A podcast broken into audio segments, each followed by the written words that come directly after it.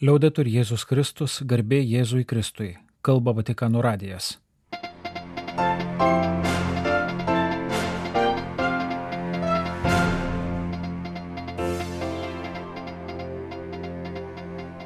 Malonus klausytojai šioje programoje. Ateinanti jaunimo diena viskupijose ir popiežiaus žinia. Kardinolas Mateo Dzupi, taiko siūlai minki, bet realūs. Mirė Indi Gregory, jos istorija yra prieštaravimo ženklas mūsų laikams.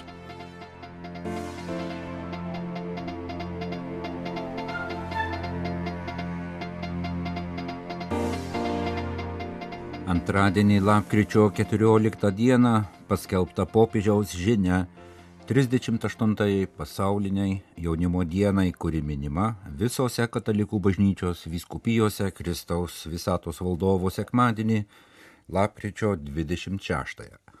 Dienos tema - džiaukitės viltyje. Yra žodžiai iš apaštalo Šventojo Pauliaus laiško rumiečiams. Popiežius žinioje prašo jaunimo būti vilties žiburiais ir nebijoti skleisti jos šviesą savo aplinkoje. Nebijokite su visais dalintis prisikėlusio Kristaus viltimi ir džiaugsmu, saugokite jumyse įžieptą kibirkštį, bet tuo pačiu ją dovanokite kitiems. Anot Pranciškaus, krikščionys negali pasilaikyti Kristaus vilties vien tik savo, kaip gražaus prisiminimo, nes ji skirta visiems. Popiežius žinioje ypač prašo, kad jaunuoliai neapleistų bendramžių kurie, nepaisant visko, šypsosi, tačiau iš tikrųjų savo viduje liūdi, nes prarado viltį. Popiežius Pranciškus įsakmei paminėjo didelį jaunimo savižudybių skaičių įvairiuose kraštuose. Kur mūsų viltis? klausė Pranciškus. Jaunystė yra vilties ir svajonių metas, tačiau gyvename laikais, kai daugeliu jaunuolių atrodo, jog viltis neegzistuoja. Karus, užgauliojimą ir žeminimą patiriantieji jaučiasi tarsi uždaryti į tamsią kalėjimo celę, o beviltiškumas, baime, depresijos jiems neleidžia išvysti gyvenimo šviesos, žmonijos, tragedijų, ypač nekaltų aukų akivaizdoje kreipiamės į viešpatį klausdami kodėl. Popiežius su įsitikinimu rašo žinioje, kad mes galime būti dalis Dievo atsakymo sukurti pagal jo panašumą ir atvaizdą, galime tapti jo meilės išraiška, gimdanti džiaugsmą ir viltį taip pat ten, kur tai atrodo neįmanoma. Popiežius prisiminė įvairius šventuosius ir kankinius, kurie liudijo, jog tai įmanoma, kartu prisiminė populiarų italų režisieriaus Roberto Benini filmą, kuriame tėvas geba apsaugoti mažą sūnų nuo nepakeliamų konclagerio baisumų tikrovės, kad žmonių piktumas netimtų gyvenimo vilties. Apaštalas Šventasis Paulius ragino romiečius džiūgauti viltyje per didžiuosius persekiojimus. Pranciškus pažymėjo, kad tai nėra žmogaus išrasta, o Jėzaus Velykų, jo prisikėlimo jėgos sukelta viltis, tai džiaugsmas kylantis iš susitikimo su Kristumi. Krikščioniškasis džiaugsmas yra iš Dievo, iš suvokimo, kad esame jo mylimi. Krikščioniškoji viltis nėra lengvabūdiškas optimizmas ir nėra placebas patikliems žmonėms, o tikrumas, kad Dievas mūsų niekada neapleidžia, nepalieka vienų. Prisikėlęs Kristus, jo meilė, visuomet yra su mumis, net tada, kai atrodo, kad yra toli pažymėjo popiežius, primindamas tai, ką rašė jaunimui skirtame apaštališkajame paraginime Kristus vyvit. Kristus yra didžioji vilties šviesa ir vedlys mums einantiems per gyvenimo tamsą, nes jis šviesiausia rytmečio žvaigždė, priminė popiežius. Pranciškus žinioje jaunimui prisiminė maldos svarbą. Malda maitina viltį ir kasdienių apsisprendimų svarbą palaikant viltį. Be to, Pranciškus patikino, kad dieviškosios vilties palaikomi krikščionys patiria kitokį džiaugsmą, kuris ateina iš vidaus. Gyvenime visada bus iššūkių ir sunkumų, tačiau puoselėdami tikėjimo palaikomą viltį, juos priimsime žinodami, kad ne jie tars paskutinį žodį, nes būsime kaip maži vilties šviestuvai kitiems. Popiežius užtikrino, neturime bėgti iš pasaulio, o mylėti dabartinį laikmetį, į kurį Dievas mus atvedė ne be priežasties. Kristus yra gyvas, jis yra mūsų viltis.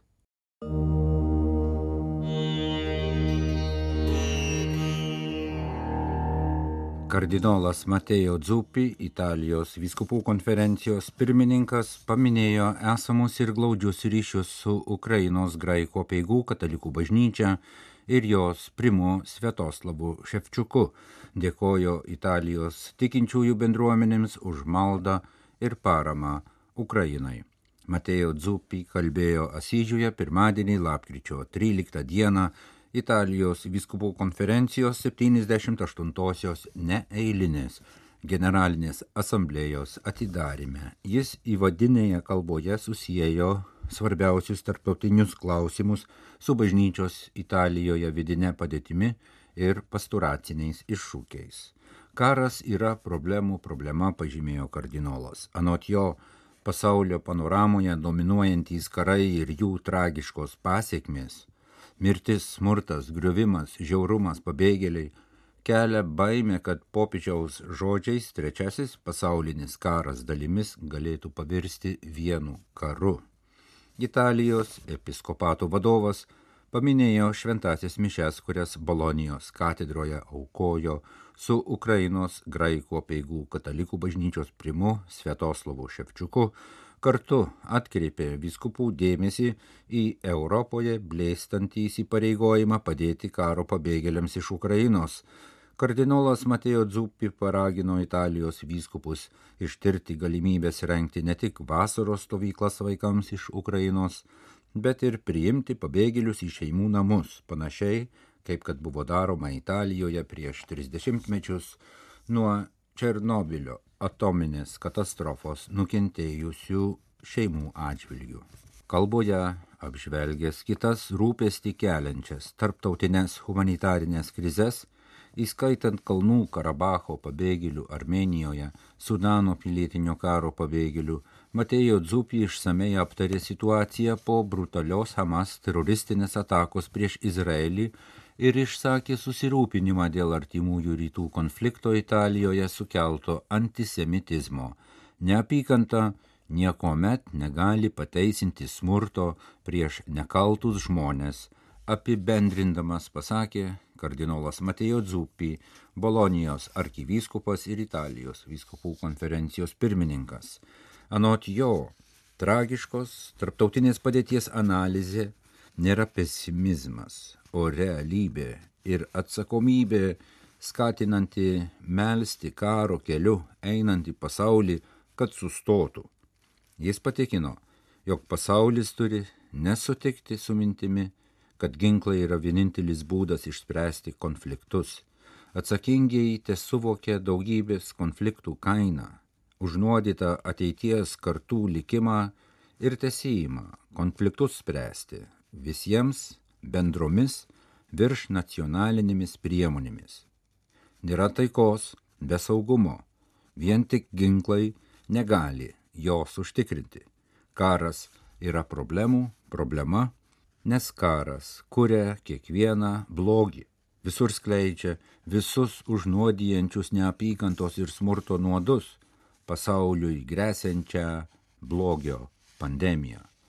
Matėjo Dzupi Italijos vyskupams kalbėjo apie Rusijos karą prieš Ukrainą ir popiežiaus jam pavestą taikdarystės misiją. Kardinolas sakė, kad popiežius jį pareigojo Kyivui ir Maskvai perduoti jo asmenišką rūpestį dėl taikos ir humanitarinių klausimų, paminėjo susitikimus su valdžios atstovais ir apsilankimus karo tragediją menančiose vietose, įskaitant pučą, maldą už taiką svarbiose šventovėse pokalbius Vašingtone ir Pekine, pažymėdamas, kad taikai reikia visų dalyvavimo.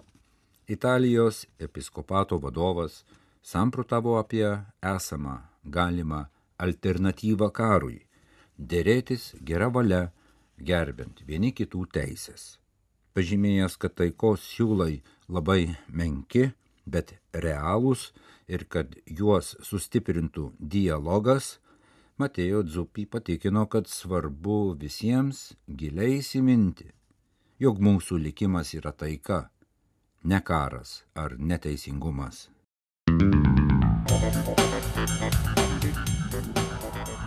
Lapkričio 13 naktį Notingamo ligoninėje Junktinėje karalystėje prieš tėvų valią atjungus gyvybės palaikymo aparatą mirė 8 mėnesių amžiaus mergaitė Indi Gregory, kurios istorija palėtė daug žmonių, ypač pačioje Junktinėje karalystėje ir Italijoje. Taip pat atspindi daug panašių situacijų bei kelia esminį klausimą, kas turi galę žmogaus gyvybei. 2023 vasario 24 gimusiai mergaitei buvo nustatytas retas ir nepagydomas genetinis sutrikimas, kuris lėmė būtinybę padėti jai kvepuoti dirbtiniu būdu. Dar prieš galutinę diagnozę tėvai žinojo apie tai, kad mergaitė sirgs, tačiau neprieėmė aborto pasiūlymo. Rugsėjo pradžioje tėvams, Dynui ir Klarai, buvo pranešta, jog ketinama atjungti gyvybę palaikančią aparatūrą, bet jie, būdami kasdien, dažnai ir po 10 valandų, nesutiko. Pasak jų, mergaitė nekentėjo didelių skausmų bei kovojo už savo gyvenimą. Atvejais nukeliavo į teismą. Šiame kontekste mergaitės tėvas Dinas Gregory neslepia pasipiktinimo ir nusivylimą. Savo krašto medicininė ir biurokratinė sistema, pasak jo, ligoninės advokatai šeimai siekia įteikti, kad jie negali prieštarauti ir negali viešai kalbėti apie situaciją. Ligoninės personalas davė parodymus, kurie neatspindėjo realios padėties, bet teisino pačios ligoninės sprendimus, įskaitant draudimą pervežti mergaitę į namus. Lapkričio pradžioje Italija pasisiūlė priimti mergaitę, ji būtų slaugoma garsioje Romos kūdikėlių Jėzaus ligoninėje, tačiau ir šis pasiūlymas buvo atmestas. Lapkričio 11-ąją dieną Šventojo Sosto spaudos salės direktorius Matėjau Brūnai pasakė, jog popiežius Pranciškus žino apie šią atvejį, meldžia už mergaitę ir jos šeimą, tuo pat metu galvodamas apie visus vaikus, kurių gyvenimas gali nutrūkti dėl lygos ar karo. Komunikate, kuriame Indi Gregory tėvai pranešė apie jos mirtį mamos glibėje, pakartojama, kad jiems pikta, skaudu ir gėda. Jok sveikato sistema bei teismas atėmė iš mergaitės galimybę gyventi ilgiau, urumą išeiti šeimos namuose, taip pat siekia jų tylos. Galima pridurti, jog rugsėjo pabaigoje tėvai nusprendė mergaitę pakrikštyti. Dynas Gregory taip paaiškino šį sprendimą. Nesu religingas ir nesu pakrikštytas. Bet teisme pasijaučiau lyg būčiau patekęs į pragarą. Pagalvojau, kad jei egzistuoja pragaras, turi egzistuoti ir dangus. Atrodė, kad būčiau susidūręs su velniu. Pagalvojau, kad jei egzistuoja velnas, tai turi egzistuoti ir Dievas. Pasak tėvo jis taip pat labai vertino vienos krikščionės savanorės, kuri lankė šeimą ligoninėje ir teisinio Christian Concern centro pagalbą tuo metu, kai šeimai teko stoti prieš teisėją.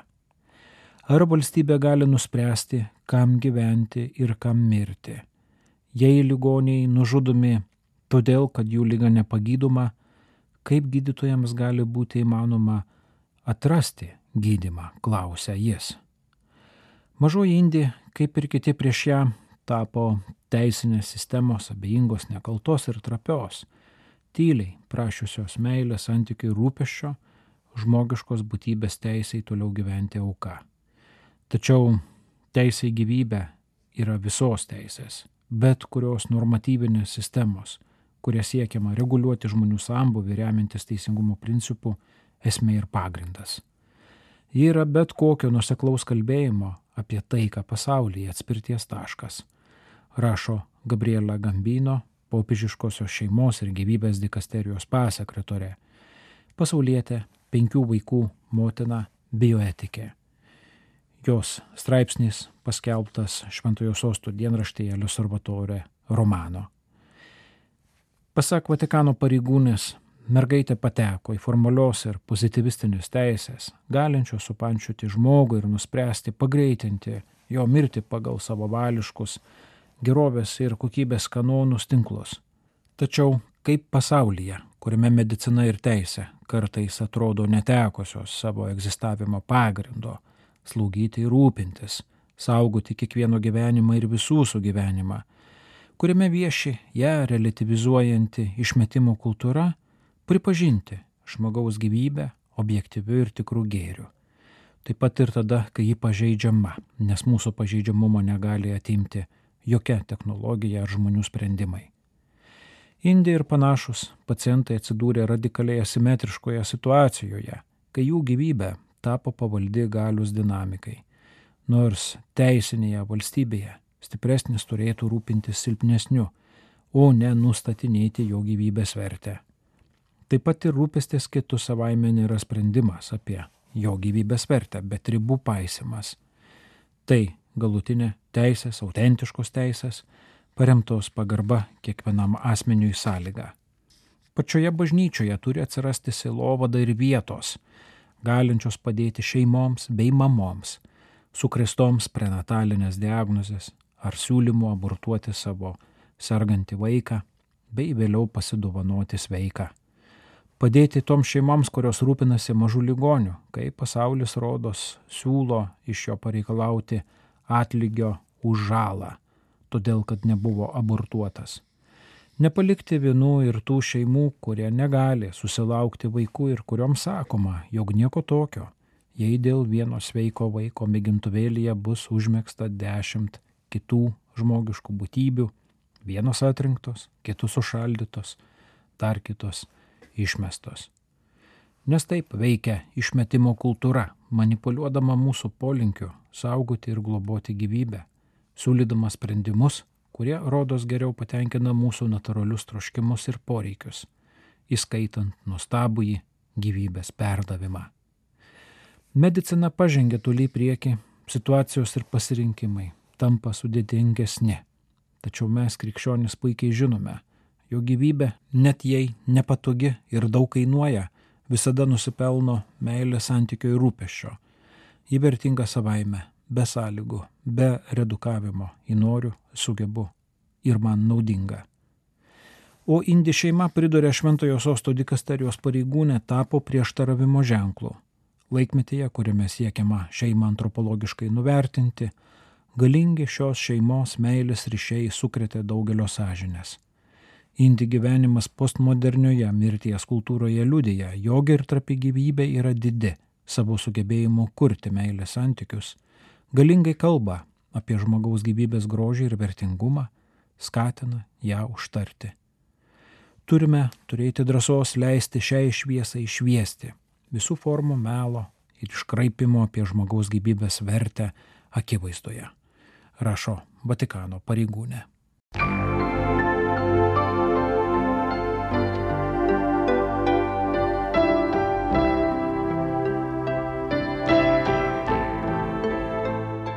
Malonus klausytojai laidą lietuvių kalbą baigiame. Kalba Vatikano radijas. Garbė Jėzui Kristui, liaudai turi Jėzus Kristus.